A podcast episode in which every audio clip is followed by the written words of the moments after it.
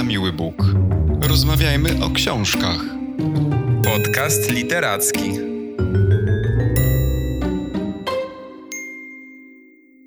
Cześć wszystkim. Witajcie po dwumiesięcznej ponad przerwie w podcaście na miły Bóg. Zaczynamy dzisiaj z Maćkiem trzeci sezon naszego podcastu i niezmiennie będziemy mówić o książkach o książkach, które uważamy za godne polecenia, który, o tytułach, z którymi e, chcemy, którymi chcemy się z Wami podzielić. E, te odcinki, które będziemy nagrywać przez najbliższe miesiące, będą więc nadal na ten sam temat, będą o dobrej literaturze, ale ich forma będzie nieco zmieniona, bo poza konkretnymi książkami chcemy też mówić Wam o wydarzeniach literackich, które się dzieją, o aktualnych Y, nagrodach, które są przyznawane, tak, żeby polecać Wam jeszcze więcej dobrych książek, nie ograniczać się tylko do tej jednej, ale przedstawiać przynajmniej kilka dobrych tytułów y, w danym odcinku. Witaj Maćku po przerwie. Dzień dobry, witam wszystkich, witam Ciebie Kamilu. No właśnie, trochę mieliśmy czasu, aby pomyśleć o tym, jak chcielibyśmy, aby wyglądały te nasze rozmowy. No i doszliśmy do wniosku, że bardzo wyczerpujące jest prowadzenie podcastu, co tydzień i z książką, którą trzeba przeczytać. Często czytaliśmy ją obaj i w związku z tym było mnóstwo różnych problemów, e, a z takich literackich to między innymi taki, że często po prostu wybieraliśmy książki, które byliśmy w stanie przeczytać w ciągu tygodnia, a odrzucaliśmy te, które były na przykład zbyt długie i fizycznie nie byliśmy w stanie ich przeczytać, pomyśleć o nich, przygotować się do rozmowy, a były to na przykład też książki, które chcielibyśmy przeczytać. W związku z tym zaczęliśmy myśleć, e, co zrobić, aby te odcinki mm, były troszeczkę łatwiejsze dla nas, tak naprawdę do nagrywania. E, I tak jak Kamil powiedział, będziemy rozmawiali o książkach, ale też o tym, co jest poza książkami, co jest wokół nich, co dzieje się w literaturze. I myślę, że będą to rozmowy trochę dłuższe niż e, zawsze, na kilka takich tematów e, w ramach jednego odcinka, e, ale będziemy nagrywali to odcinki trochę rzadziej. Obiecujemy, że przynajmniej raz w miesiącu, ale nie tak często jak wcześniej. I mam nadzieję, że dzięki temu będziemy też mieli czas na to, aby czytać książki, które tak naprawdę zawsze chcieliśmy przeczytać, ale tak jak wspomniałem, nie było na to czasu. I jedna ważna rzecz, taka techniczna, planujemy tych odcinków nie montować, bo to też było skaranie boskie e, z tą całą edycją. E, I tak sobie pomyślałem, że może podsłuchiwanie nas, takiej rozmowy, trochę takiej radiowej, jak to się robi w radiu, bo to jest wszystko na żywo. My tych odcinków co prawda nie nagrywamy na żywo, ale chcielibyśmy, żeby może był taki vibe trochę, że przysłuchujecie się rozmowie e, dwóch osób, które mówią o e, literaturze, o książkach. I być może mm, w takiej bardziej naturalnej e, odsłonie będą te odcinki dla Was ciekawsze. Spróbujemy, Maćku, właśnie w takiej formie to nagrać. Zobaczymy, jak e, wyjdzie. W ostatnim odcinku drugiego sezonu podcastu mówiliśmy o naszych planach na wakacje. Wiadomo, że wakacje sprzyjają czytaniu, jesteśmy w różnych miejscach, bierzemy ze sobą książki. Maćku, ja pamiętam, że mm, mówiłeś o czytaniu książek na temat Hiszpanów, na temat hiszpańskich twórców. Powiedz, co udało Ci się przeczytać? Podzielisz się e, jakimiś swoimi wrażeniami? Udało się to zrealizować? Ja tak bardzo szybko na ten temat, bo e, tak jak mówiłem w tym ostatnim odcinku drugiego sezonu, zamierzam czytać książki hiszpańskie, to znaczy napisane po hiszpańsku, które jeszcze się nie ukazały y, w języku polskim. Nie wiem też, czy się ukażą, a na pewno no, nie w takiej formie, w jakiej są tutaj dostępne. I to był Mario Vargas Llosa, y, list do młodego powieściopisarza, książka o pisaniu powieści, nie poradnik pisania, ale takie właśnie eseje mm, na temat literatury, Oprócz tego zbiór listów Salvadora Dalego i Federico Garcia Lorki z lat 1925-1936. No i trzecia książka to, był, e, to jest antologia poezji właśnie Federico Garcia Lorki. To może zacznę od tej ostatniej, poległem zupełnie, bo jednak czytanie poezji w języku obcym no, wymaga zdecydowanie bardzo wysokiego stopnia znajomości języka, w języku polskim czasami są z tym problemy, a co dopiero w języku obcym.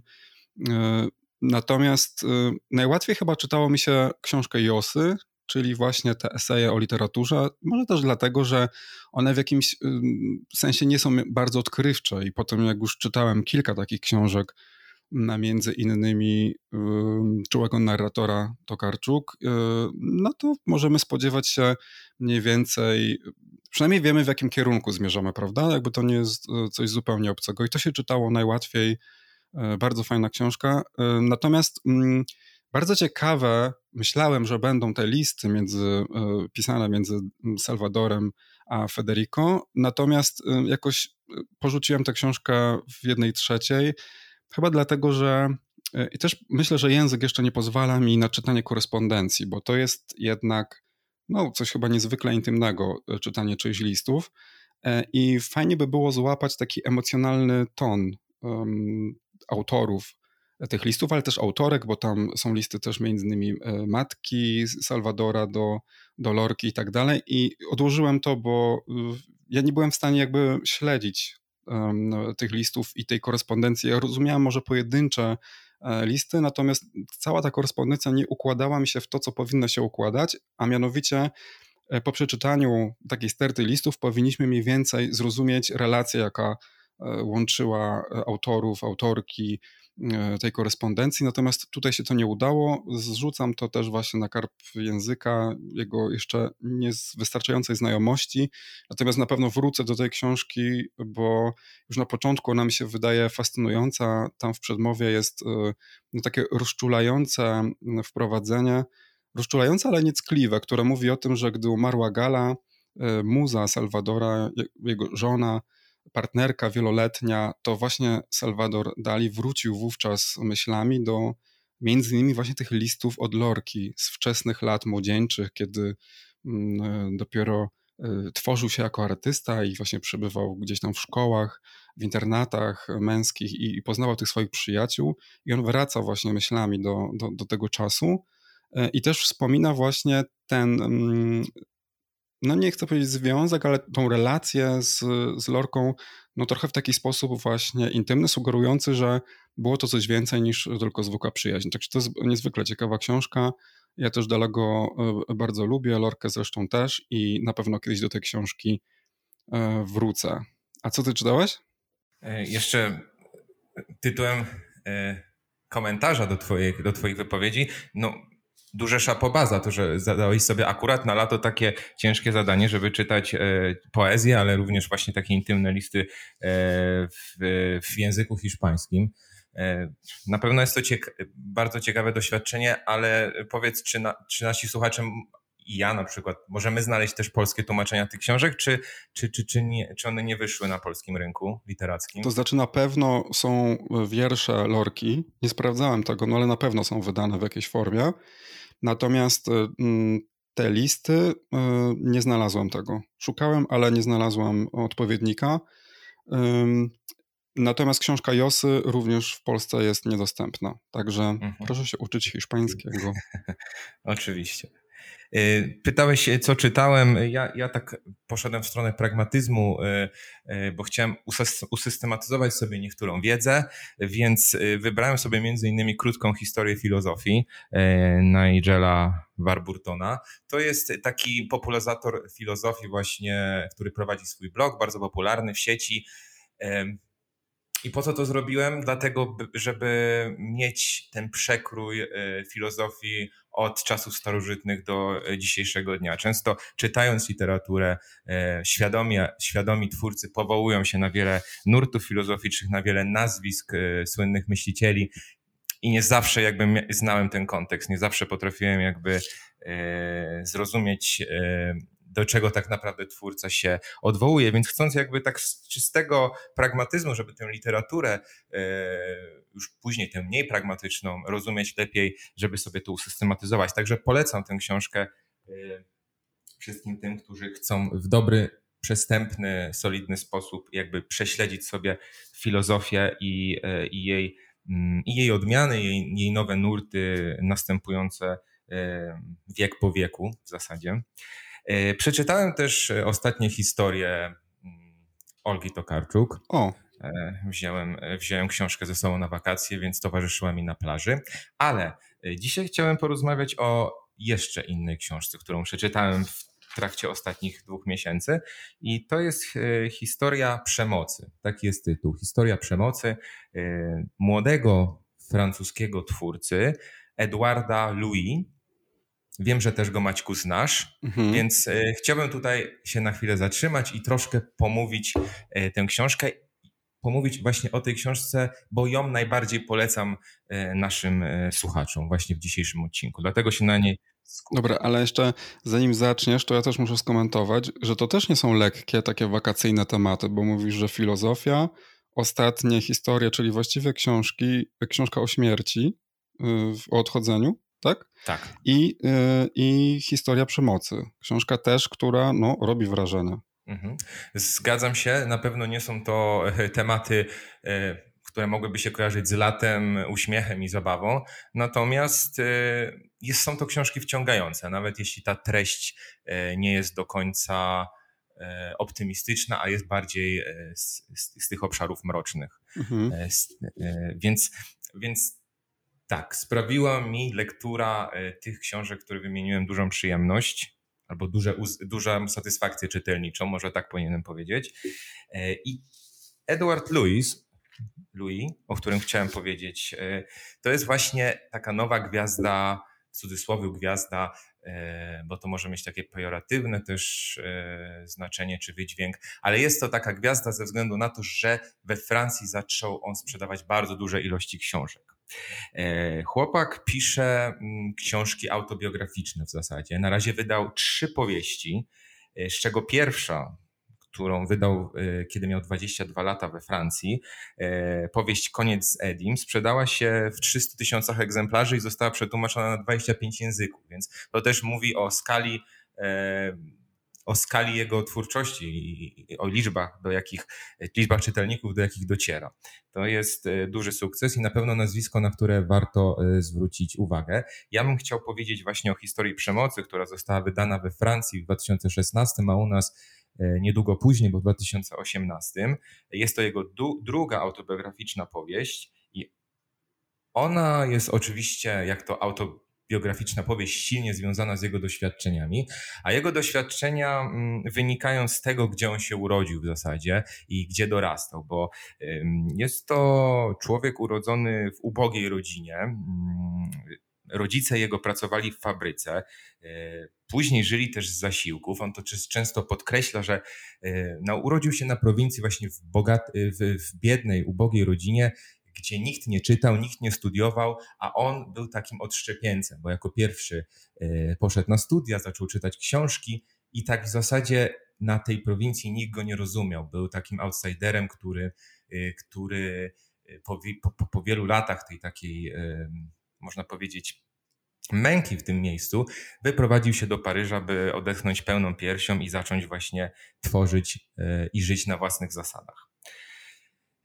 I powieść e, Historia przemocy, jak pewnie pamiętasz, ona e, opisuje bardzo konkretne wydarzenie z życia autora, mm, czyli to, co zdarzyło się w noc wigilijną pewnego roku, e, kiedy właśnie narrator, autor wracał z wieczerzy wigilijnej i na ulicach Paryżu w nocy doszło do spotkania jego z nieznajomym. E, ta noc, poza tym spotkaniem i, i rozmową, e, przyniosła również e, bardzo poważne konsekwencje. Rozmowa doprowadziła do tego, że autor zaprosił nieznajomego do domu.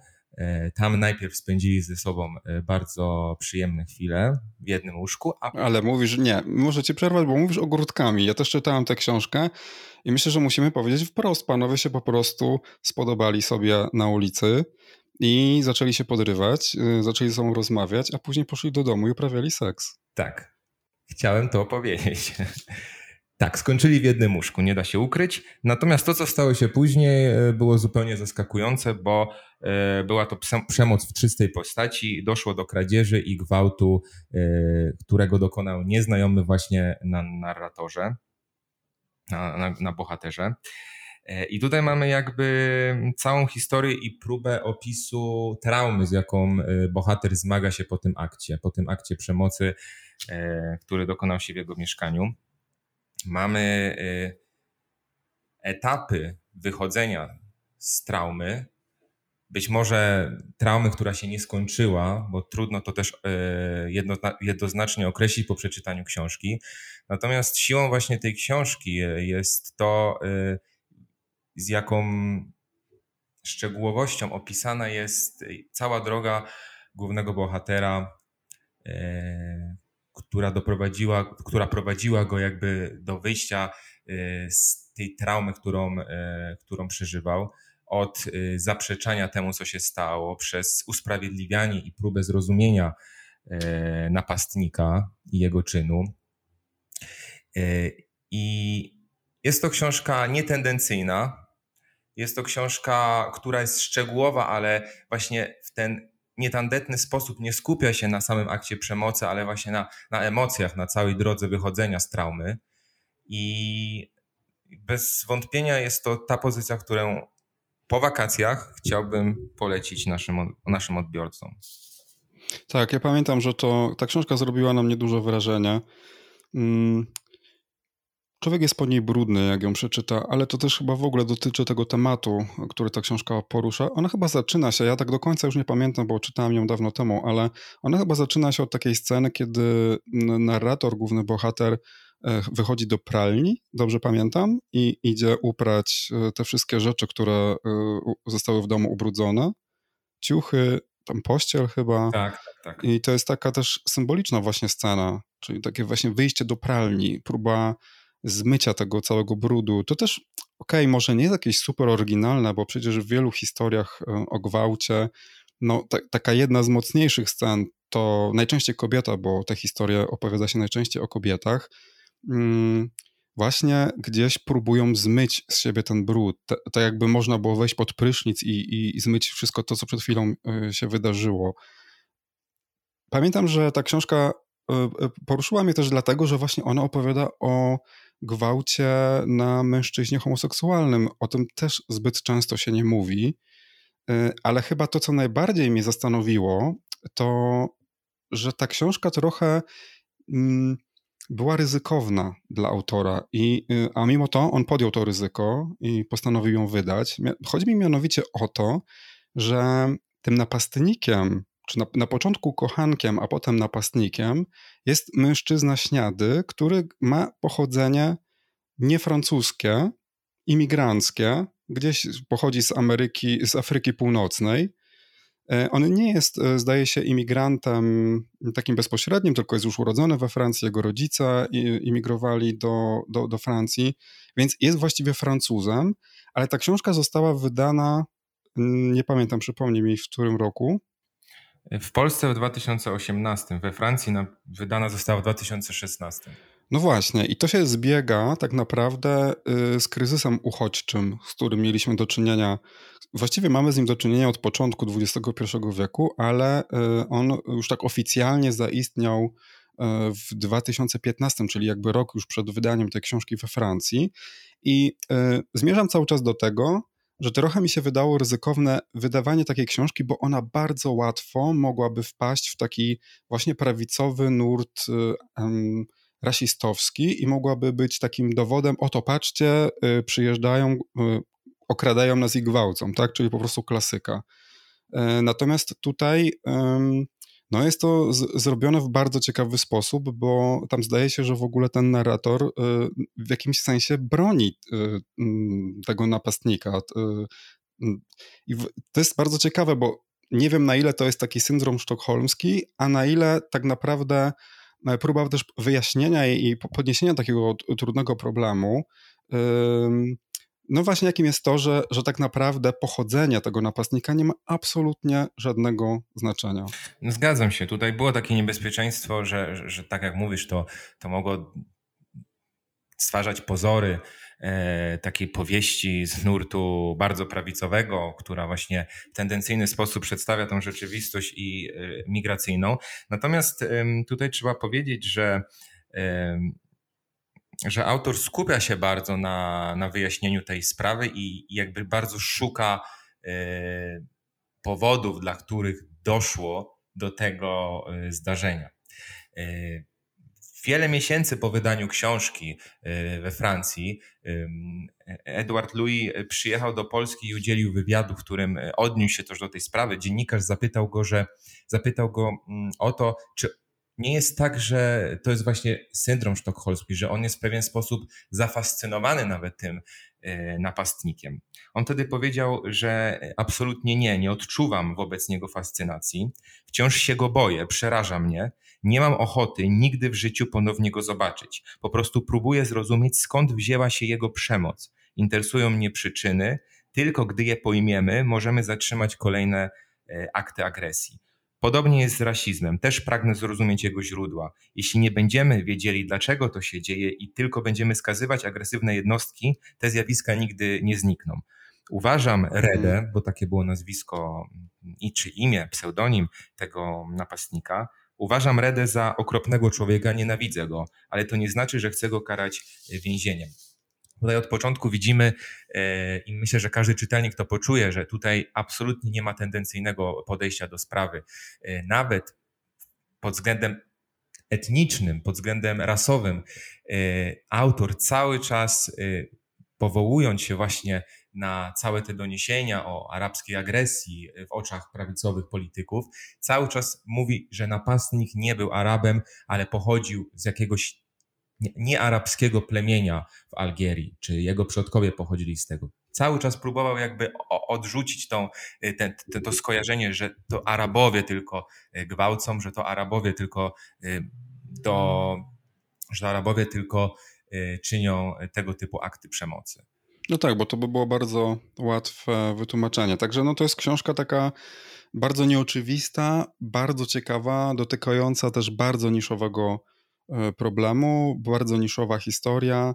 Ja też zdecydowanie tę książkę polecam. A teraz mi się jeszcze przypomniało, mhm. że e, w wakacje odwiedziłem dom rodzinny i znalazłem tam książkę Franka Herberta Duna. I to jest książka e, no piekielnie w ogóle gruba, chyba z 800 stron ma. I pamiętam, że czytałem ją jako nastolatek i jakoś nie przebrnąłem przez, przez Dune. Mm, a wróciłem do niej właśnie w wakacje, dlatego że no chyba na dniach, czy już właściwie wyszła e, nowa ekranizacja Duny.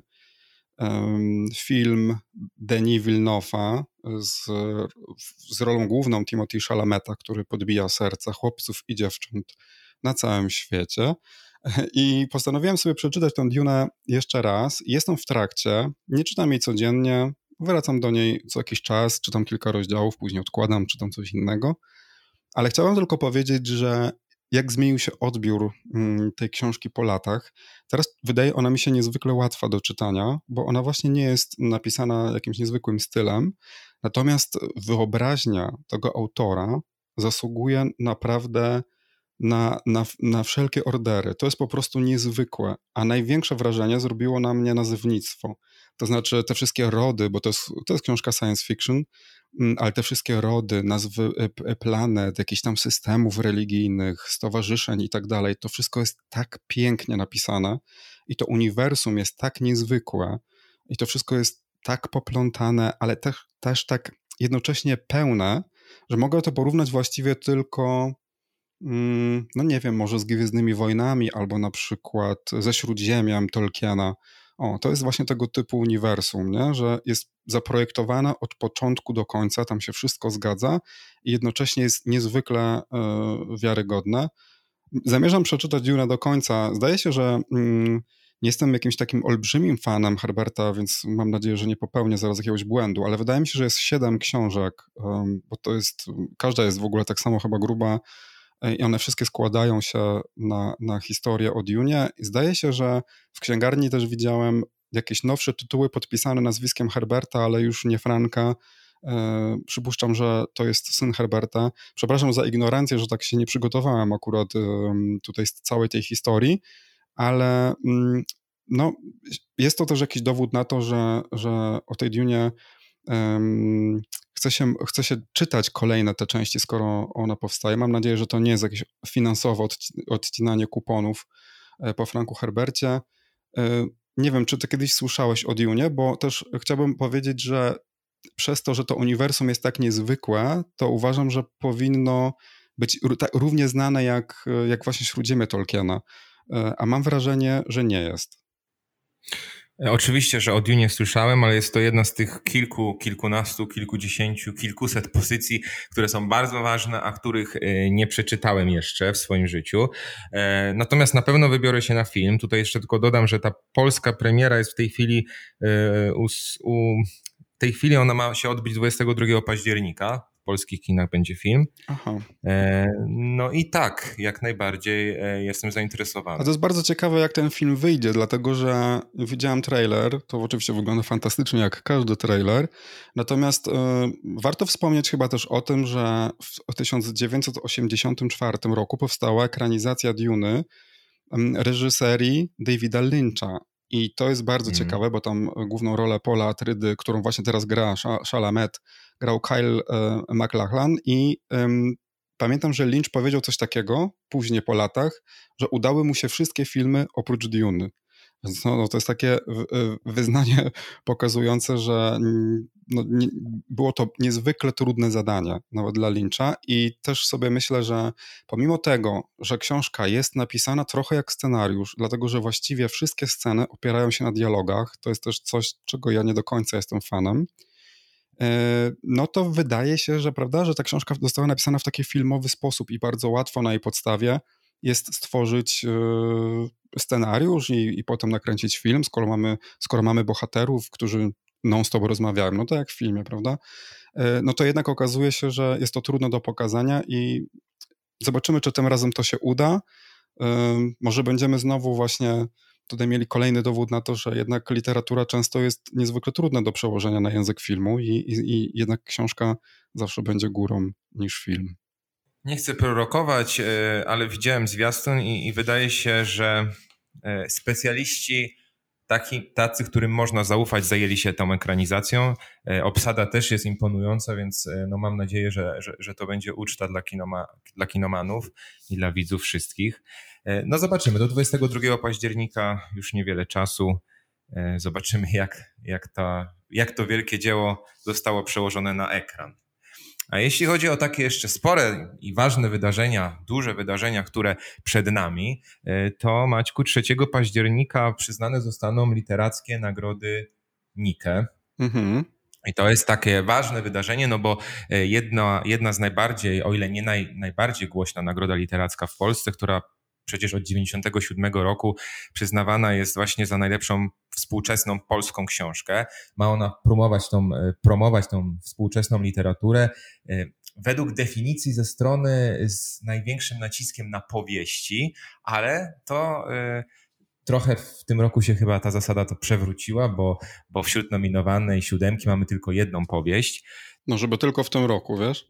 Bo ja takie właśnie mam wrażenie, że już od wielu lat tak się mówi, pomimo tego, że w ubiegłym roku ta właśnie powieść otrzymała nagrodę Nika, to ja mam takie wrażenie, że od wielu lat się już trochę podnosi ten problem, że faktycznie nagroda Nika ma gdzieś tam w statucie zapisane za to, to szczególne uwzględnienie powieści, ale w sumie niewiele z tego wynika, bo ja sobie sprawdziłem nawet specjalnie nagrody od 2010 roku. To jest właściwie już 11 edycji mhm. i tam są raptem cztery powieści. No to trudno powiedzieć, że 4 na 11 to jest szczególne uwzględnienie. Mhm. A jeszcze do tego e, to, co powiedziałeś, że bo teraz właściwie już mamy tą finałową siódemkę, taką tak zwaną shortlistę i faktycznie na tej shortliście mamy właściwie tylko jedną powieść, o której niewiele wiem, ale też nie do końca jestem pewny, czy to jest taka stricte powieść y, Wydaje mi się, że nie, bo ona e, opowiada o Zielonej Górze, o, o całym tym regionie zielonogórskim.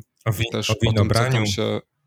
Tak, tak, właśnie. To chciałem powiedzieć, że o tym, co, z czego Zielona Góra słynie, a mało, może mało osób y, zdaje sobie tak naprawdę z tego sprawę, że, że przecież tam się uprawia winorośle i produkuje się wino i właśnie ta książka opowiada y, taką historię winiarzy i w związku z tym ona nie do końca mi się wydaje powieścią, bo, bo ma jednak trochę takie zacięcie, wiesz, no takie trochę reporterskie, nie? Odkrywające właśnie mm, no, jakieś tajemnice i, i, i, i prezentująca w jakiś konkretny region naszego kraju. Mhm. No, nie jest to taka dla mnie stricte powieść, gdzie, gdzie, gdzie autor czy autorka tworzą jakiś y, zupełnie wymyślony świat. Chociaż wielu porównuje ją do biegunów Olgi Tokarczuk pod, pod względem okay. formalnym na przykład, bo y, są, jest to taki zbiór y, różnych powierzchownie by oceniając niepowiązanych ze sobą opowieści, no ale jak wiemy z Olgą Tokarczuk wcale tak nie jest, że one nie są ze sobą powiązane, gdzieś na którymś głębszym poziomie są, więc skoro porównuje się tę książkę do biegunów, to pewnie w przypadku zaświatów Krzysztofa Fedorowicza jest y, podobnie. Ale jeszcze zanim y, powiemy o innych nominowanych w tym roku, chciałem jeszcze tylko powiedzieć o powieściach, które na przestrzeni lat otrzymały nagrodę Nike, bo, bo to są głośne, ważne powieści, między innymi w 2000 2001 roku Jerzy Pirch otrzymał nagrodę za powieść pod Mocnym Aniołem. W 2013 e, Joanna Bator, twoja jedna z ulubionych e, twórczyń polskich, tak. Za ciemno prawie noc. I, I ulubiona powieść tak naprawdę. Właśnie. W 2000, w 2008 Olga Tokarczuk za biegunów, później jeszcze za księgi Jakubowe. E, natomiast jest też książka, o której mówiliśmy w pierwszym sezonie, książka Mariusza Szczygła. Nie ma taki tytuł. E, która również w 2019 tę nagrodę otrzymała. E, w tym roku mamy, tak jak powiedzieliśmy, jedną powieść, ale za to cztery reportaże, jeden tom poetycki i jedną biografię wśród nominowanych. E, I jest tutaj kilka nominacji, które mnie zainteresowały. Jeśli miałbym mówić, co zamierzam czytać w najbliższych tygodniach, no to chyba wybiorę coś spośród nominowanych. Mhm. Y, zaintereso zainteresowała mnie książka Grzegorza Piątka Najlepsze miasto świata. To jest reportaż, jak można się domyślić. Mm, tych reportaży wśród nominowanych jest najwięcej. I ona jest o odbudowie Warszawy y, z powojennych zgliszczy. Napisał ją, tak jak wspomniałem, Grzegorz Piątek, który jest autorem y, różnych architektonicznych i historycznych opracowań, więc ja z uwagi na to, że ta historia powojennej Polski mocno mnie interesuje, e, to taki reportaż, sądzę, że skoro nominowany to solidny reportaż, e, chętnie przeczytam. E, z kolei ciekawa wydaje mi się też książka o Śląsku. Myślę, że teraz Śląsk jest bardzo modnym tematem do pisania. Bardzo dużo osób i nie tylko Szczepan Twardoch podejmuje tematy Śląska. Wydaje się, że o tym Śląsku chce się pisać i jakby zdzierać z niego tą taką e, opinię, e, że jest to jakiś obszar, gdzie żyją tylko ludzie z kilofem, bardzo zaściankowymi poglądami. I wśród nominowanych jest jedna książka o, o Śląsku właśnie. Autorem jest Zbigniew Rokita, Tytuł książki to Kajś.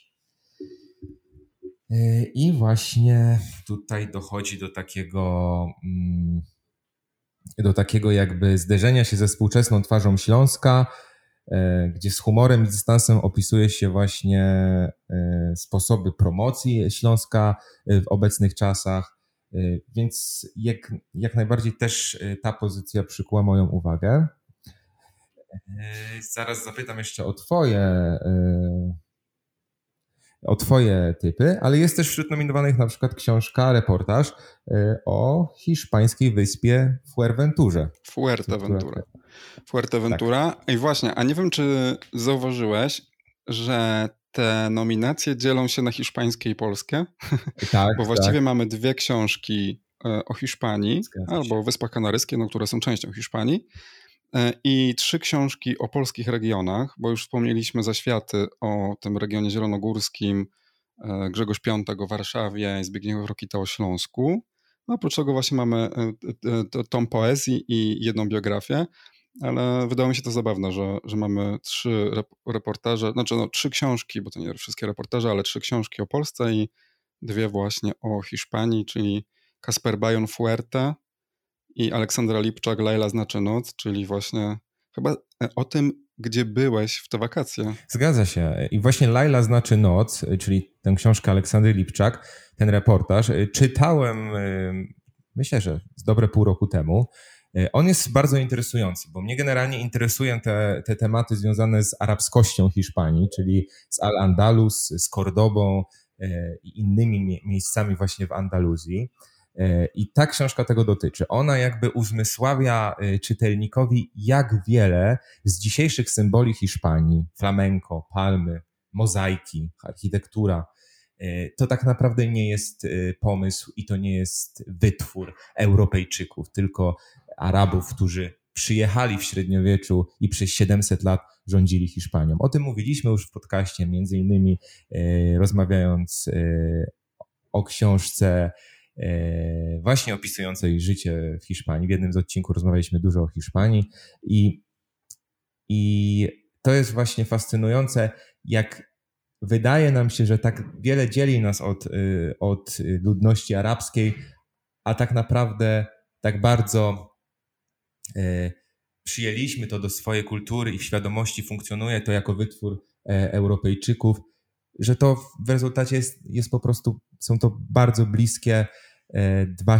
bardzo bliskie dwa światy, które łączy bardzo wiele i, i Hiszpania jest tym obszarem, gdzie to widać, gdzie to wszystko jest e, e, umiejscowione i co możemy do dziś oglądać. To jak, jak pięknie kultura arabska rozwinęła architekturę, rozwinęła naukę, ale też medycynę właśnie na Półwyspie Iberyjskim. Także ta książka Laila znaczy noc, reportaż łączący współczesną i dawną Hiszpanię jest też wśród nominacji do tegorocznej nagrody Nike. Nie powiem, że ta książka porwała mnie formalnie, bo ona mm, była momentami mocno nużąca i e, mnogość arabskich imion, arabskich miejsc i nazw czasami mnie przytłaczała i, i nużyła, ale na pewno treść jest, treść jest bardzo istotna i bardzo odkrywcza dla mnie i interesująca. Mm. Ja z tych wszystkich chyba nominacji najbardziej mam ochotę na Fuerte właśnie, Kaspera Bajona, bo ta książka przez ostatni rok naprawdę w wielu miejscach mi w ogóle wyskakiwała, pojawiała się, ja już znałem ten tytuł dużo, dużo wcześniej, czytałem gdzieś tam nawet opis wydawcy i tak dalej. Jestem bardzo ciekawy, co reportażysta może, y, co tam właściwie zamieścił w tej książce i dlaczego została nominowana do Nika, bo wiesz, to jest y, Wyspa Kanaryjskie kojarzą się, no to jak Baleary i te wszystkie inne wyspy europejskie, oczywiście z wakacjami, mhm. jeszcze niektórym z all inclusive na przykład. y, I wiesz, i, i, i, i tak naprawdę często się właśnie nie wychodzi z tych hoteli, znaczy ja oczywiście jestem absolutnym przeciwnikiem tego typu turystyki, ale no, no, no wiele, wielu turystów nie wychodzi z hoteli, nie, nie stara się nawet poznać tej kultury lokalnej tak naprawdę. Mm, a myślę, że tego typu miejsca na to szczególnie zasługują, więc być może sięgnę właśnie po, po Fuerte. Mhm. A wiesz co, ja tak jeszcze a propos tych e, nagród, że, że, że one są z tym szczególnym uwzględnieniem powieści, zastanawiam się, czy może wreszcie ktoś podniósłby ten temat e, wprowadzenia jakiejś kategoryzacji czy wprowadzenia kategorii Nike, tak jak są na przykład, nie wiem, Oscary, czy tam Grammy i tak dalej. Mm, albo przynajmniej wprowadzenie dwóch kategorii, to znaczy powieść, no i cała reszta. Bo, bo ja jestem oczywiście wielkim fanem fikcji literackiej i przy okazji tych nominacji znowu pojawiło się takie pytanie jednego e, z krytyków literackich, czy polska powieść przechodzi kryzys? E, I zastanawiałem się chwilę nad tym, i mm, wydaje mi się, że kryzys przechodzi, przechodzi czytanie powieści przez, e, przez Polki i Polaków, bo jak spojrzę nawet na powieści polskie, które omawialiśmy e, w naszym podcaście, czy Bezmatek, czy Halny, czy Pokora, czy Mapa Sadurskiej, prawda, to jest jednak dużo książek, które są naprawdę genialne i to nie są książki no takie wiesz, średnie powieści mm, z takiej właśnie średniej półki, tylko to są naprawdę książki wybitne. I powiedziałbym, że absolutnie polska powieść nie przechodzi żadnego kryzysu, tylko wydaje mi się, bo tak trochę obserwuję, co, co ludzie piszą, wydaje mi się, że y, trochę się odchodzi od czytania fikcji literackiej w Polsce. Że nagle stało się bardzo modne y, czytanie reportaży, nie wiem, z czego to wynika. Pewnie z tego, że, że jednak ludzie, jak czytają coś yy, prawdziwego, nie wiem, być może bardziej się z tym są w stanie zżyć, bardziej to rozumieją, są bliżej tych bohaterów i bohaterek. Pamiętam, jak zawsze mnie elektryzował taki napis przed filmem e, film na faktach, oparty na faktach, nie? To wtedy, Tak. Jezu, chodź, chodź, mamo, musisz oglądać, bo to jest na faktach. Natomiast dzisiaj już jako dorosły mężczyzna wiem, że, e, że to właśnie fikcja literacka jest, e, mimo że jest kłamstwem, to, to jest tak naprawdę prawdą. No, jak brzydko mi się powiedziało, tak naprawdę prawdą. No, ale tak jest. W każdym razie ja bym chciał, żeby jednak powieść nie znikała. I mimo tego, że może też, widzisz, może też dlatego e, gdzieś tam jest z powieścią trochę gorzej, no bo ta to jest dosyć taka wymagająca forma, dosyć długa, chociaż kurczę, no nie wiem, no bo te reportaże też potrafią być, e, mm, mieć 300 czy 500, 600 stron, więc nie wiem do końca e, z czego to wynika, a na przykład biografia też, prawda? W ostatnich latach e, też bardzo są na fali w naszym kraju. Mam nadzieję, że fikcja literacka jeszcze odzyska e, swoje należne miejsce, ale myślę, ja myślę, że nie jest tak źle, jak mówią. Tak, pamiętajmy też, że reportaż reportażowi nierówny. A w naszym podcaście tych e, powieści pojawiło się bardzo wiele, więc naprawdę zachęcamy do tego, żeby po nie sięgać i żeby nie ograniczać się w zasadzie do jednego gatunku, bo nie chcemy też mówić, że warto czytać tylko powieści. One mają rzeczywiście ten potencjał i, e, i są chyba takim najlepszym e, tworem, który wbija ten, e, ten kij w mrowisko i, i jakby tworzy tę burzę w naszych głowach, w naszych perspektywach. Natomiast jakby jeśli mamy do czynienia z kryzysem w czytelnictwie powieści, to, e, to kończmy z tym szybko, bo, bo powieści w Polsce, nowych powieści jest bardzo dużo e, i to takich powieści o dobrej jakości. A jeszcze kończąc temat Nika, to warto zwrócić uwagę na to, że to jest 20, 25. edycja tej nagrody i w związku z tym, dzisiaj to zauważyłem na, na stronach Gazety Wyborczej, że można głosować na najlepszą książkę spośród tych, które wygrały. Więc y, z okazji właśnie 25-lecia y, dowiemy się, która z książek, y, które w przeszłości zdobyły nagrodę Nika, w tym roku zdobędzie serce czytelników i czytelniczek. No zobaczymy. Ja już zagłosowałem. No to przyznaj się, czy zagłosowałeś na księgi Jakubowe, czy na biegunów? No właśnie, ksiąg Jakubowych nie czytałem i to jest, e, Ach. znaczy zacząłem i właśnie nie skończyłem, bo zaczęliśmy nagrywać wtedy podcast. No i właśnie to jest to, że nagrywając podcast, do którego trzeba się co tydzień przygotować, nie jesteś w stanie tak naprawdę przeczytać ksiąg Jakubowych, chyba że nie pracujesz i nie masz innych zajęć, nie masz rodziny. Jesteś z bogatego domu i siedzisz sobie w jakiejś chatce nad morzem i po prostu I tylko czytasz. czytasz. I nagrywasz raz w tygodniu z kolegą podcast. Wtedy tak. Natomiast y, mm, biegunów kocham, ale ja zagłosowałem jednak sercem, to znaczy za ciemno prawie noc Anny Bator, jednocześnie zdając sobie sprawę, że prawdopodobnie no, nie jest to y, najwybitniejsza z tych wszystkich książek, y, które, które zdobyły mm, tą nagrodę na przestrzeni ostatnich 25 lat, ale ja po prostu y, mam do tej książki niezwykły sentyment. To jest książka w ogóle bardzo ważna y, w moim życiu, takim właśnie literackim. Nie wiem, chyba wspominałem o tym, bo w sumie od Tak. tej książki zaczęło się moje dorosłe życie czytelnicze, takie zupełnie świadome. Też, to jest książka też, która mm, tak językowo mnie trochę e, poturbowała, w tym sensie, że uzmysłowiła mi, jak można pisać i, i co robi się z tą materią właśnie, która, którą jest język, e, że można to, to robić w zupełnie zaskakujący sposób, wykorzystywać jakieś e, no takie języki, którymi na co dzień się nie posługujemy, tak jak to Bator zrobiła właśnie z językiem takich czatów internetowych w tej książce. Świetna, naprawdę świetna książka i, i mam do niej ogromny sentyment i dlatego. Okej. Ja jeszcze nie zagłosowałem, e, ale zastanowię się nad tym. Szczególnie, że teraz jestem też w trakcie czytania jednej z książek, która e, nagrodę otrzymała. To jest książka Tadeusza Różewicza, w zasadzie tom poezji Matka odchodzi. E, Mhm. I też jestem w trakcie, to też jest wyjątkowa pozycja, bardzo mi się podoba, bardzo do mnie e, trafia i, i być może to właśnie na nią zagłosuję, ale zobaczymy. Jeśli chodzi o poezję, to jeszcze chciałem tylko dodać, bo nie wspomnieliśmy, że, że jedna, jeden e, tom poezji jest też nominowany w tym roku i to jest tom, e, który mm, jest, odwołuje się do historii bardzo, więc jakby mówi o postaciach, miejscach, wydarzeniach historycznych, a napisany jest y, już zupełnie współczesnym językiem. Jacek Podsiadło, podwójne y, wahadło. No dobrze, tak już tak wszystkich wymieni, wymieniliśmy, to jeszcze musimy powiedzieć o tej biografii panny z Wesela Moniki Śliwińskiej. No i teraz już mamy wymienionych wszystkich.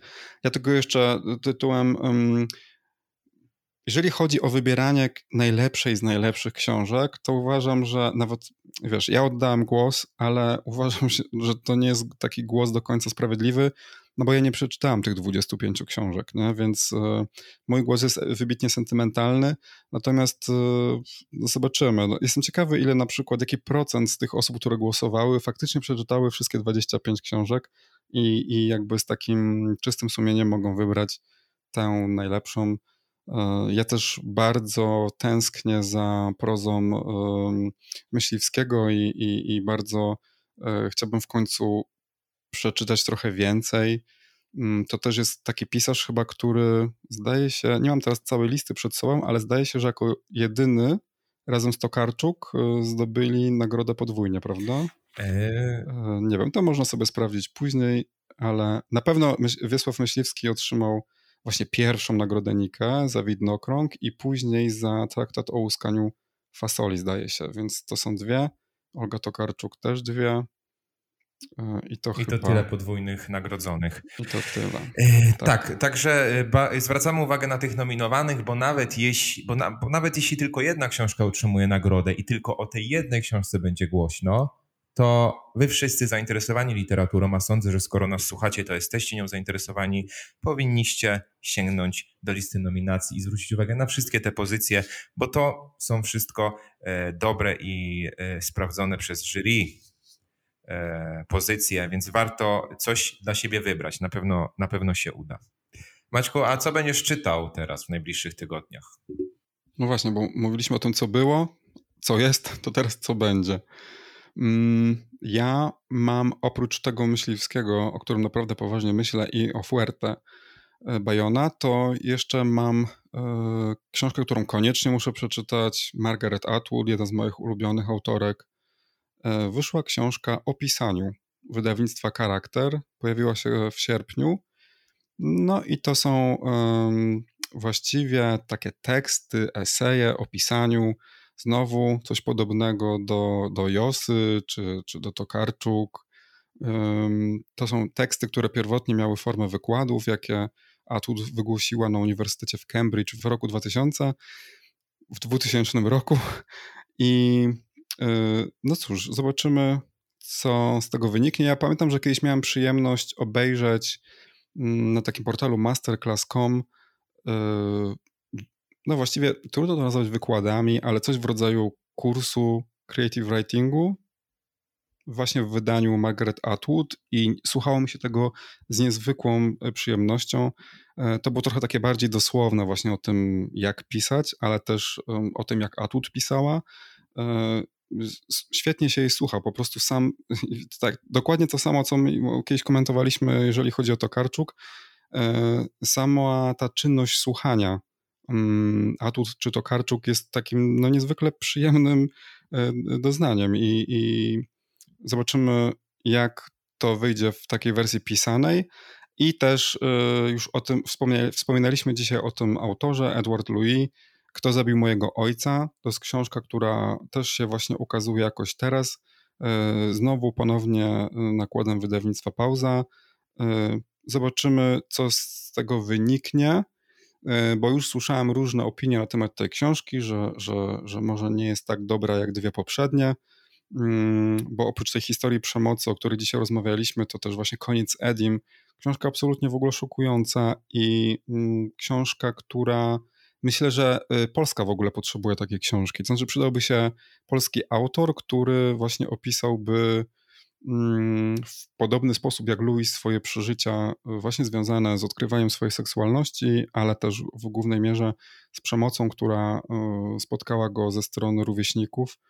E, no, a kto zabił mojego ojca, to, to z kolei książeczka właściwie. Ona ma chyba niecałe 70 stron. Więc obojętnie, czy, czy jest y, lepsza, czy gorsza, warto przeczytać, bo, bo będzie nas to kosztowało w najgorszym razie godzinę, półtorej. Natomiast myślę, że dla fanów y, tego pisarza to jest pozycja absolutnie obowiązkowa. Tak. Ja też jestem zainteresowany tą trzecią wydaną w Polsce książką Eduarda Louis. Ona 20 września, tak jak wspomniałeś, w wydawnictwie Pauza będzie miała premierę, czyli już na dniach. Poza tym kontynuuje swojego Różewicza e, i tak jak wspomniałem przy mówieniu, przy mówieniu o Nikę, o nominowanych, tutaj też e, wśród tych nominowanych jest kilka pozycji, które mnie interesują. Chyba padnie na to najlepsze miasto świata, Grzegorza Piątka. I tak, a co jeszcze wpadnie mi w ręce, tak, to, to, to, to, to zobaczymy.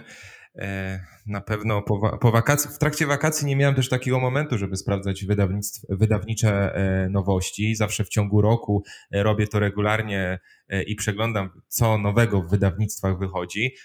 Także teraz sobie to zrobię i na pewno jeszcze jakieś nowe, nowe pozycje będę miał do wyboru, do zakupu i do przeczytania. No dobra, to dawaj znać, bo y, powiedzieliśmy na początku, że ta forma naszych odcinków trochę się zmieni, ale też rozmawialiśmy przecież y, też o tym, że jeżeli trafi się książka, która zainteresuje nas obu, to będziemy też robili takie odcinki specjalne, właściwie klasyczne, czyli po prostu będziemy obaj rozmawiali o konkretnym tytule. No i cóż, chyba na dzisiaj to wszystko. Dajcie znać, co myślicie o tym trzecim sezonie. Czy podoba Wam się właśnie tego typu rozmowa? Mm, jesteśmy bardzo ciekawi. Tak. Czy nie jest za dużo nazwisk, za dużo tytułów? Dajcie po prostu znać, co sądzicie. No dobra, to czekamy na Wasze opinie, a my się żegnamy. Kamil, było Cię bardzo miło znowu usłyszeć i do zobaczenia, do usłyszenia wkrótce.